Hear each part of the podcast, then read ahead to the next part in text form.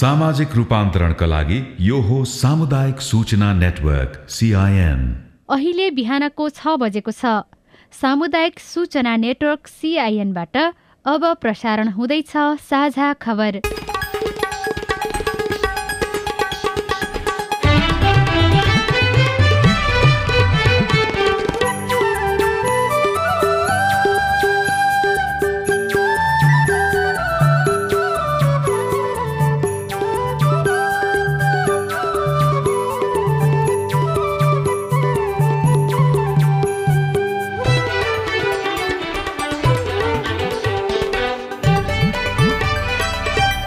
शुभ प्रभात यो सिआइएनको साझा खबर हो। अविनाश आचार्यसँगै राजन रुचालको तपाईँलाई स्वागत छ। सामुदायिक रेडियोबाट देशैभरि एकैसाथ प्रसारण भइरहेको साझा खबर सिआइएन खबर डट कम र मोबाइल एप सिआइएनबाट पनि सुन्न सकिन्छ।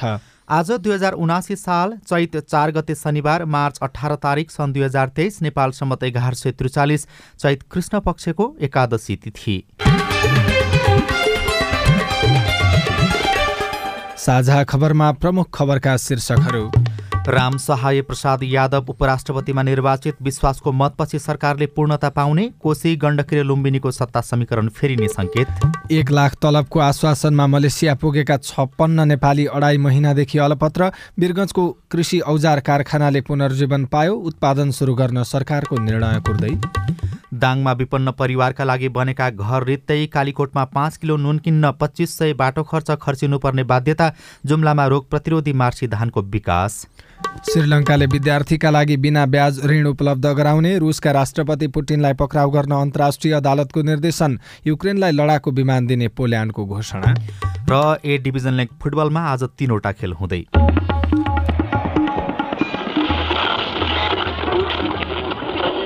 सयौं रेडियो। हजारौं रेडियो कर्मी र करोडौं नेपालीको माझमा यो हो सामुदायिक सूचना नेटवर्क सिआइएन साझा खबरको सबैभन्दा सुरुमा उपराष्ट्रपति निर्वाचन सम्बन्धी प्रसङ्ग। नेपालको तेस्रो उपराष्ट्रपतिमा राम सहाय प्रसाद यादव निर्वाचित हुनुभएको छ। हिजो भएको निर्वाचनमा जनता समाजवादी पार्टीका संसदीय दलका नेता समेत रहनुभएका यादव एमाले उपाध्यक्ष अष्टलक्ष्मी साक्य र जनमत पार्टीका नेता ममता झालाई पछि पार्दै उपराष्ट्रपतिमा निर्वाचित हुनुभएको हो। उहाँलाई नेपाली काङ्ग्रेस माओवादी केन्द्र नेकपा एकीकृत समाजवादी लगायत दलको समर्थन थियो। यादवले सङ्घीय संसदतर्फ चौध हजार पाँच सय छत्तिस र प्रदेशसभातर्फ पन्ध्र हजार सात सय बयानब्बे गरी तिस हजार तिन सय अठाइस मतभार प्राप्त गर्नुभएको निर्वाचन कार्यालयले जनाएको छ। उपराष्ट्रपतिमा प्रतिनिधि सभा राष्ट्रिय सभा र प्रदेश सभाका सांसदले मत दिएका छन्। उपराष्ट्रपति निर्वाचित भएपछि यादवले संविधानको पालना गर्ने कुरालाई पहिलो प्राथमिकतामा राख्ने बताउनु भएको छ। उपराष्ट्रपतिको पदको जुन काम कर्तव्य र अधिकार छ उपराष्ट्रपतिको त्यो काम कर्तव्य र अधिकारलाई म इमान्दारीपूर्वक मुलुक र जनताको हितमा आफ्नो भूमिका निर्वाह गर्नेछु संविधानको रक्षा संविधानको पालना गर्दै मुलुकको जुन राष्ट्रिय एकता छ त्यो राष्ट्रिय एकतालाई मजबुत गर्नमा राष्ट्रिय एकतालाई प्रवर्धन गर्नमा मेरो इमान्दारीपूर्वक मेरो भूमिका रहनेछ यादव बाह्र दुईबाट प्रतिनिधि सभा सदस्यमा निर्वाचित हुनुहुन्छ। यसैबीच अब प्रतिनिधि सभाका लागि तीनवटा क्षेत्र रिक्त भएका छन्। तनहु क्षेत्र नम्बर एकबाट निर्वाचित रामचन्द्र पौडेलले राष्ट्रपति निर्वाचित भएसँगै सांसद पदबाट राजीनामा दिनुभएको छ। यस्तै सर्वोच्च अदालतको फैसलापछि चितवन दुई पनि रिक्त भएको छ। चितवन दुईमा वैशाख दस गते उपनिर्वाचन हुने तय भइसकेको छ। बाँकी दुई निर्वाचन क्षेत्रमा उपनिर्वाचनको तयारी भए पनि मिति भने तय भइ नसकेको आयोगका प्रवक्ता शालिग्राम शर्मा पौडेलले सिआइएनसँग बताउनुभयो।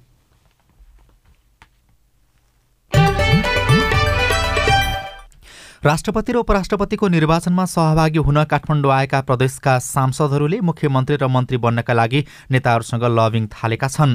उपराष्ट्रपति निर्वाचन समेत सकिएकाले एमालेका मुख्यमन्त्री रहेका कोशी गण्डकी र लुम्बिनी प्रदेशमा नयाँ सत्या समीकरण हुने सम्भावना देखिएको छ। यी प्रदेशमा काङ्ग्रेस र माओवादीले सरकारको नेतृत्व लिने गरी आफ्ना दलका शीर्ष नेतालाई दबाव बढाएका छन्। मन्त्रीका आकांक्षी सांसदले पनि नेताहरूलाई भेटघाट गरिरहेका छन्। त्रिपन्न सदस्यीय सदस्यीय कोशी प्रदेशसभामा आठ दलीय सत्ता गठबन्धन र एमाले राप्रपाका छयालिस छयालिसजना सांसद रहेका छन्। सरकार निर्माणदेखि संसदका अन्य महत्त्वपूर्ण निर्णय प्रक्रियामा सभामुख निर्णायक हुनुहुन्छ। कोशीका कोशीमा माओवादीका बाबुराम गौतम सभामुख रहनु भएको छ। काङ्ग्रेस संसदीय दलका नेता उद्धव थापाले राप्रपालाई समेत सरकारमा समावेश गर्न पहल भइरहेको बताउनुभयो। प्रदेश स्तरमा राप्रपासँग सत्ता सहकार्यका लागि छलफल भए पनि केन्द्रबाटै निर्णय होस् भनेर पार्टी नेतृत्वलाई आग्रह गरेको उहाँको भनाइरहेको छ। कोशी प्रदेशका मुख्यमन्त्री हिक्मत कुमार कार्कीले भने सिआइएनसँग कुराकानी गर्दै सत्ता समीकरण नफेरिने र फेरिने स्थिति आए आफू बलियो रहेको दावी गर्नुभयो। अब उपराष्ट्रपतिको निर्वाचनपछि दुई चार दिन पाँच दिनभित्र यी कुराहरू हुन्छन् भन्ने एउटा मिडियामा आइरहेको छ। त्यस्तो भयो कुनै पार्टीले फिर्ता लियो भने मैले तिस दिनभित्र विश्वासको मत लिनेछु। मैले विश्वासको मत बहुमत बनाउने कुरामा म एकदम ढुक्क छु। त्यो मेरा आधारहरू छन्। त्यसको लागि मैले पर्याप्त राजनीतिक र राजनीतिक दलहरूसित कुराकानी गरेका छु म यसमा कुनै संशय लिएर विराटनगर फर्किन्न। म कन्फिडेन्स भएरै फर्किन्छु। कोशीमा काङ्ग्रेस र माओवादीका साथै चार सिट रहेको एकीकृत समाजवादीले पनि मुख्यमन्त्रीको दावी गरेको छ।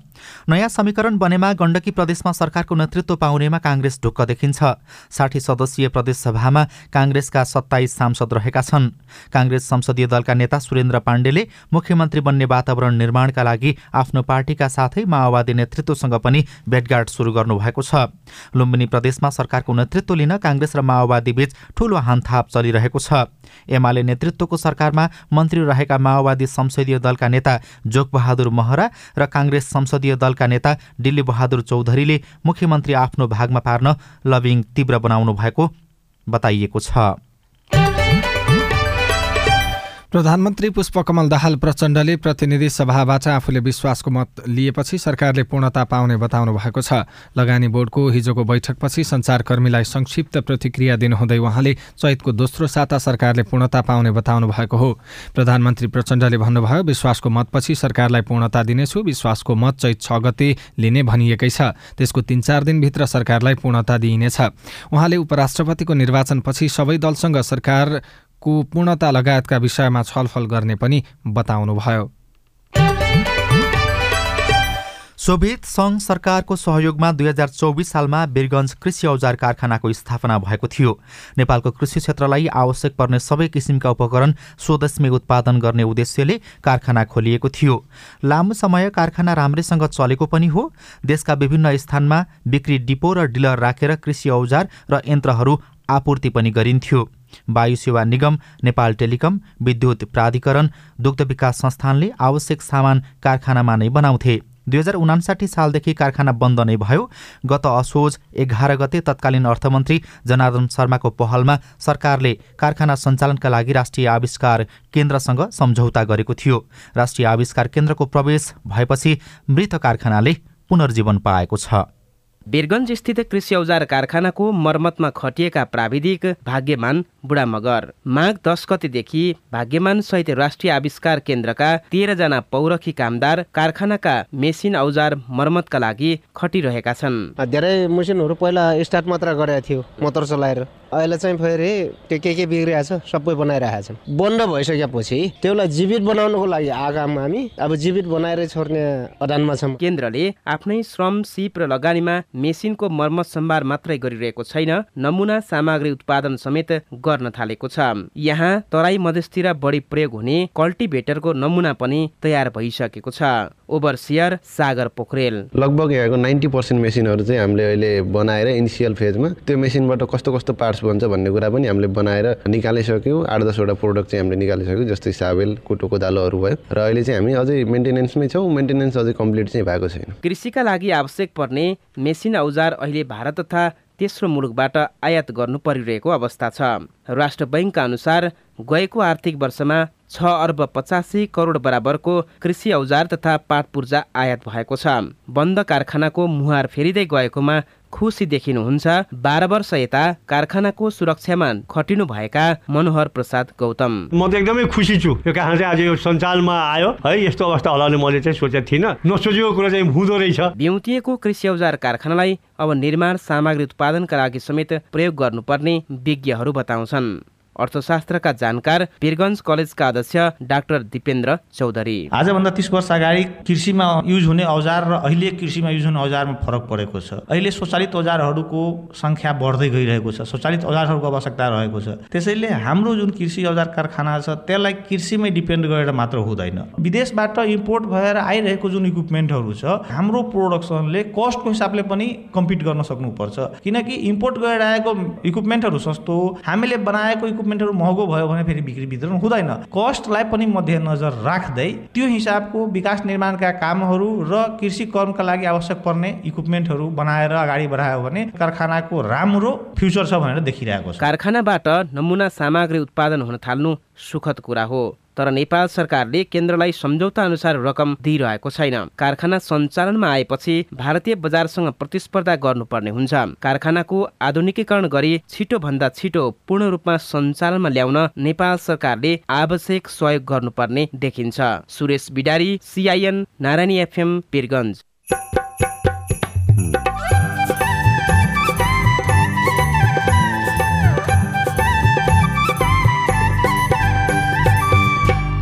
सामुदायिक सूचना नेटवर्क सिआइएन मार्फत देशभरि प्रसारण भइरहेको साझा खबरमा काठमाडौँ महानगरको पूर्वाधार एम्बुलेन्स किन प्रभावकारी भएन? वर्ष दिन नपुग्दै चाहिँ त्यो यसरी चाहिँ यो भत्किनु त त्यो त राम्रो होइन नि त। त्यो दुई दुई तिन तिन पुस्ता रोड धान्छन् अनि यहाँको रोड चाहिँ एक वर्षमै चाहिँ जाने यसको अर्थ के त? एक लाख तलबको आश्वासनमा मलेसिया पुगेका छप्पन्न नेपाली अढाई महिनादेखि अलपत्र दाङमा विपन्न परिवारका लागि बनेका घर रित्तै कालीकोटमा पाँच किलो नुन किन्न पच्चिस सय बाटो खर्च लगायतका खबर बाँकी नै छन्। सिआइएनको साझा खबर सुन्दै गर्नुहोला। बारम्बार खडेरी र आधी बेरी आउँदा उठी बास भएको बेला कहाँ जाउँला के खाउला। सुक्खा ठाउँमा बाँच्न सक्ने बोट बिरुवा रोपौँ। खाली ठाउँमा हरियाली बाढी पहिरो रोकाउँ। कृषि भूमि व्यवस्थापन विकास कार्य गर्दा राम्रो हुन्छ गाउँ घरे ज्ञान सिप जोड्दा। घाँसे मैदान चरण क्षेत्र पानी कामुल जोगाउँ। पशुपालन कृषि गरी छोरा छोरी पढाउँ। परिवर्तन हुँदा नि जलवायु बाँच्न मिल्छ जीवनको सत आयो बाँच्न मिल्छ जीवनको सत आयो बाँच्न मिल्छ जीवनको सत आयो। जलवायु परिवर्तनले निम्ताएका चुनौतीको सामना गर्न जमिन जल र प्राकृतिक स्रोत व्यवस्थापनका सर्वोत्तम उपलब्धिहरूको कार्यान्वयन गरौँ। पारिस्थितिकीय प्रणालीमा आधारित अनुकूलन आयोजना जलवायु परिवर्तन तथा व्यवस्थापन महाशाखा वन तथा वातावरण मन्त्रालय र सिआइएन ल कान्छा यतिका दिन जे भयो भयो। अब दाई दिदीबहिनीहरूसँग रिस नराखेस् है। कान्छा दाईले मात्र होइन क्या आमा? मेलमिलाप भइसकेपछि अब कसैले मनअमिलो बनाउनु भएन।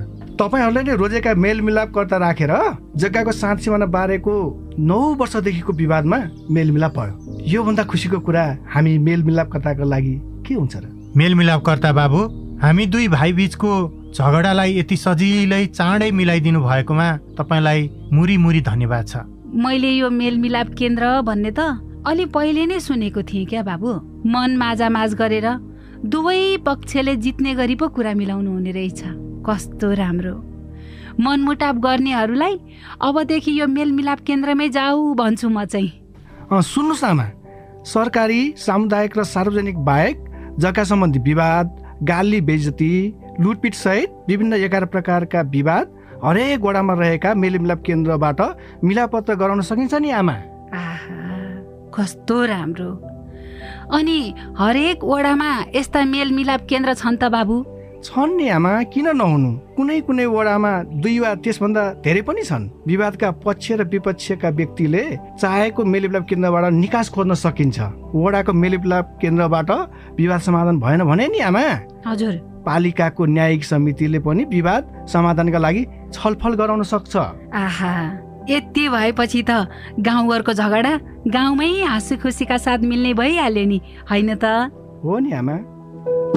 अस्ट्रेलिया सरकार र द एसिया फाउन्डेसनको साझेदारीमा सञ्चालित स्थानीय सरकार सबलीकरण कार्यक्रम र अकोराब नेपाल। सामाजिक रूपान्तरणका लागि यो हो सामुदायिक सूचना नेटवर्क सिआइएन।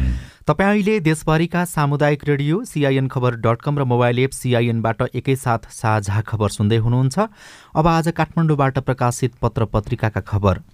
नयाँ पत्रिका दैनिकले पहिलो पृष्ठमा विमानस्थल को कार्गोमा मासिक एक लाख तलब पाउने गरी काम लगाइदिने भन्दै मलेसिया पठाएर ठगी गरेको खबर लेखेको छ।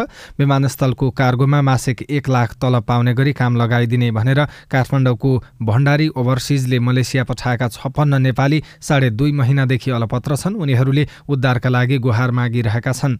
अलपत्र परे कामा सप्तरीका त्रिचालिस र रौतहटका तेह्रजना छन्। उनीहरूले सप्तरीको डाक्नेश्वरी नगरपालिका घर भएका एजेन्ट रामचन्द्र शाह सप्तरीकै राजगढ गाउँपालिकाका शत्रुधन मण्डल र रौतहटका परमानन्द पण्डित मार्फत भण्डारी ओभरसिजलाई प्रति व्यक्ति तीन लाख पन्चानब्बे हजारका दरले पैसा बुझाएका थिए।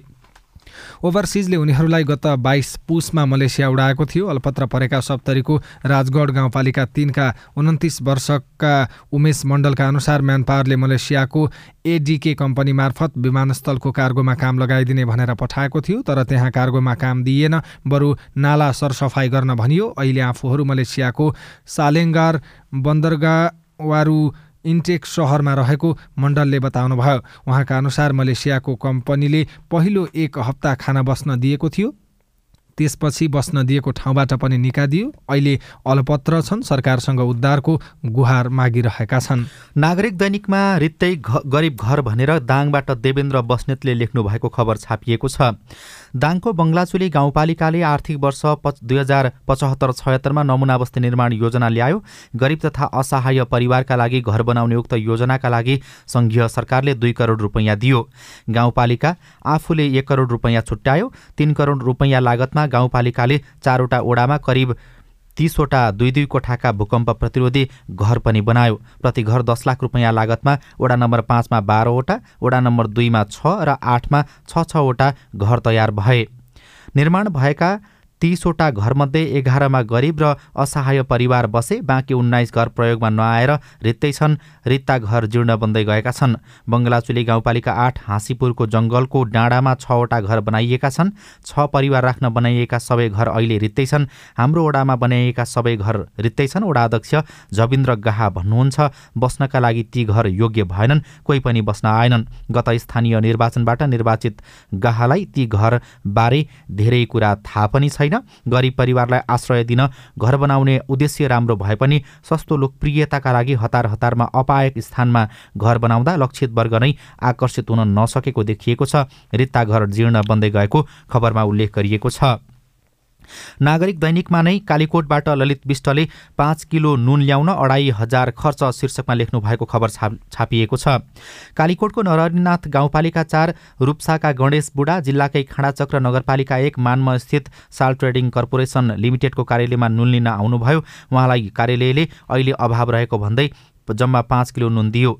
बुढालाई नरहरिनाथ गाउँपालिकाबाट मानमा बजारसम्म नुन लिन आउँदा जाँदा तिन हजार रुपियाँभन्दा बढी खर्च लाग्यो। नरहरिनाथ गाउँपालिकाबाट मानमा आउन जान दुई दिन लाग्छ। बुढाले नरहरिनाथ गाउँपालिकाबाट कर्णाली राजमार्गसम्म आउन पाँच सय रुपियाँ गाडी भाडा तिर्नुभयो। अरू पनि खान बस्न थुप्रै खर्च भयो। कर्णालीको दुःख भनेर खबरमा लेखिएको छ। कान्तिपुर दैनिकमा स्वदेशी लगानी र जीविका गुम्ने चिन्ता भएको खबर राजु चौधरीले लेख्नु भएको छ। सर्वोच्च अदालतको आदेशसँगै अब कृषि क्षेत्रमा वैदेशिक लगानी खुला भएको छ।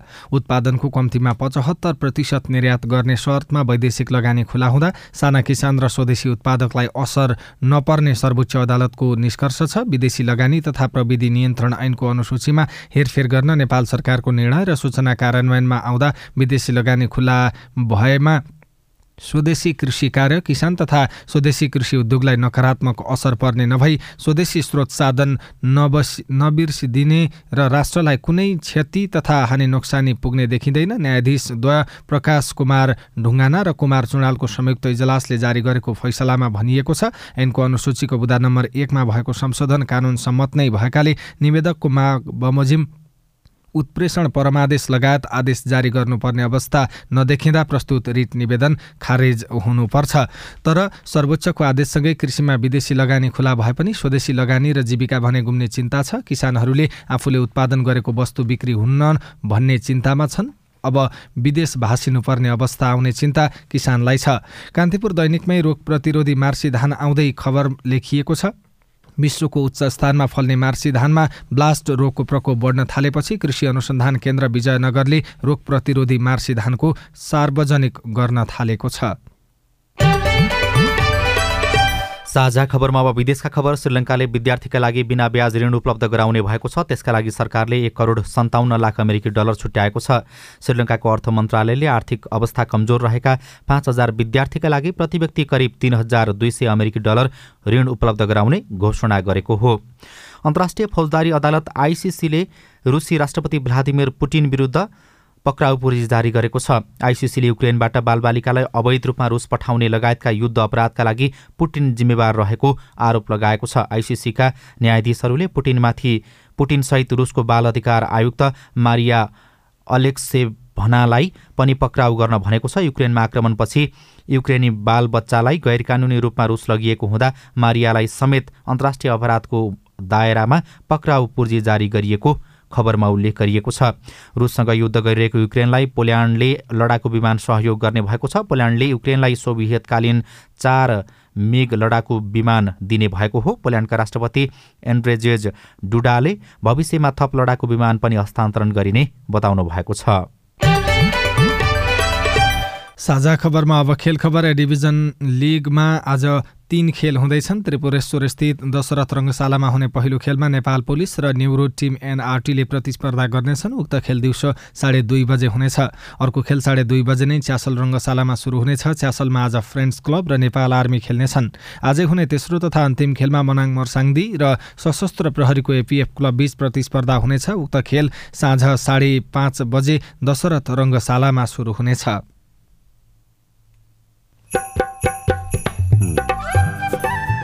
पूर्वाधार एम्बुलेन्स प्रभावकारी नहुनुको कारण रेडियो रिपोर्ट अरू खबर र कार्टुन पनि बाँकी नै छ। सिआइएनको साझा खबर सुन्दै गर्नुहोला। दाइजो। दहेज मांगने है अस्सी हजार रुपया आठ आना सोना बारह भर चानी बाल विवाह? वर्ष चौध वर्ष। मेरो बिहे भएको डेढ साल भयो। साथीहरू स्कुल जाँदा रहर लाग्छ। बिहे किन गऱ्यो जस्तो लाग्छ। छुवाछुत कुकुर पढ्नु पनि हामी पढ्नु पनि भए भने त अलिकति मन त फेरि नै हुन्छ नि छाउपडी हुन्छ दुःख त नभएर हुन्छ बिहाको झगडा हुन्छ बेग आउँछ चिसो भइरहेछ। यस्ता हानिकारक परम्परागत अभ्यासका कारण महिला किशोरी र बालिकाहरू विभिन्न शारीरिक तथा मानसिक हिंसा भोग्न बाध्य छन्। होसियार यस्ता हानिकारक परम्परागत अभ्यासहरू कानुनद्वारा दण्डनीय छन्। ओल्ड भिजन इन्टरनेसनल नेपाल र सामुदायिक सूचना नेटवर्क सिआइएन सामुदायिक रेडियो प्रसारक सङ्घ नेपालको सत्रौँ साधारण सभा सम्बन्धी सूचना सामुदायिक रेडियो प्रसारक सङ्घको सत्रौँ साधारण सभा तथा सामुदायिक रेडियो राष्ट्रिय सम्मेलन यही चैतको आठ र नौ गते सङ्घीय राजधानी काठमाडौँमा आयोजना हुँदैछ। सो साधारण सभा तथा राष्ट्रिय सम्मेलनमा सबै सामुदायिक रेडियोबाट एकजना प्रतिनिधि छनौट गरी पठाउनु हुन सम्पूर्ण सदस्य रेडियोहरूलाई अनुरोध गर्दछौँ। साधारण सभामा भाग लिन आउने एकजना प्रतिनिधिको नाम रेडियो सञ्चालक समितिको निर्णयको प्रतिलिपि सहित चैत पाँच गतेसम्ममा सङ्घको केन्द्रीय कार्यालयमा पुग्ने गरी पठाइदिनु हुन अनुरोध छ। नवीकरण नगरेका रेडियोहरूले आर्थिक वर्ष दुई हजार उनासी अस्सीसम्मको नवीकरण गर्न हुन पनि अनुरोध गरिन्छ। सामाजिक रूपान्तरणका लागि यो हो सामुदायिक सूचना नेटवर्क सिआइएन साझा खबरमा अब पूर्वाधार एम्बुलेन्सको कुरा। सडकमा हुने ससाना खाल्डाखुल्डीका कारण दुर्घटनाको जोखिम बढेको र वातावरण प्रदूषित भएको भन्दै काठमाडौँ महानगरले नौ महिना अघि पूर्वाधार एम्बुलेन्स सञ्चालनमा ल्यायो। सुरुवाती दिनमा सडकका खाल्डाखुल्डी टाल्नु पर्यो भन्दै महानगरमा फोन आउँथ्यो। इन्जिनियरसहित प्राविधिक टोली सडक भत्किएको स्थानमा खटिन्थ्यो।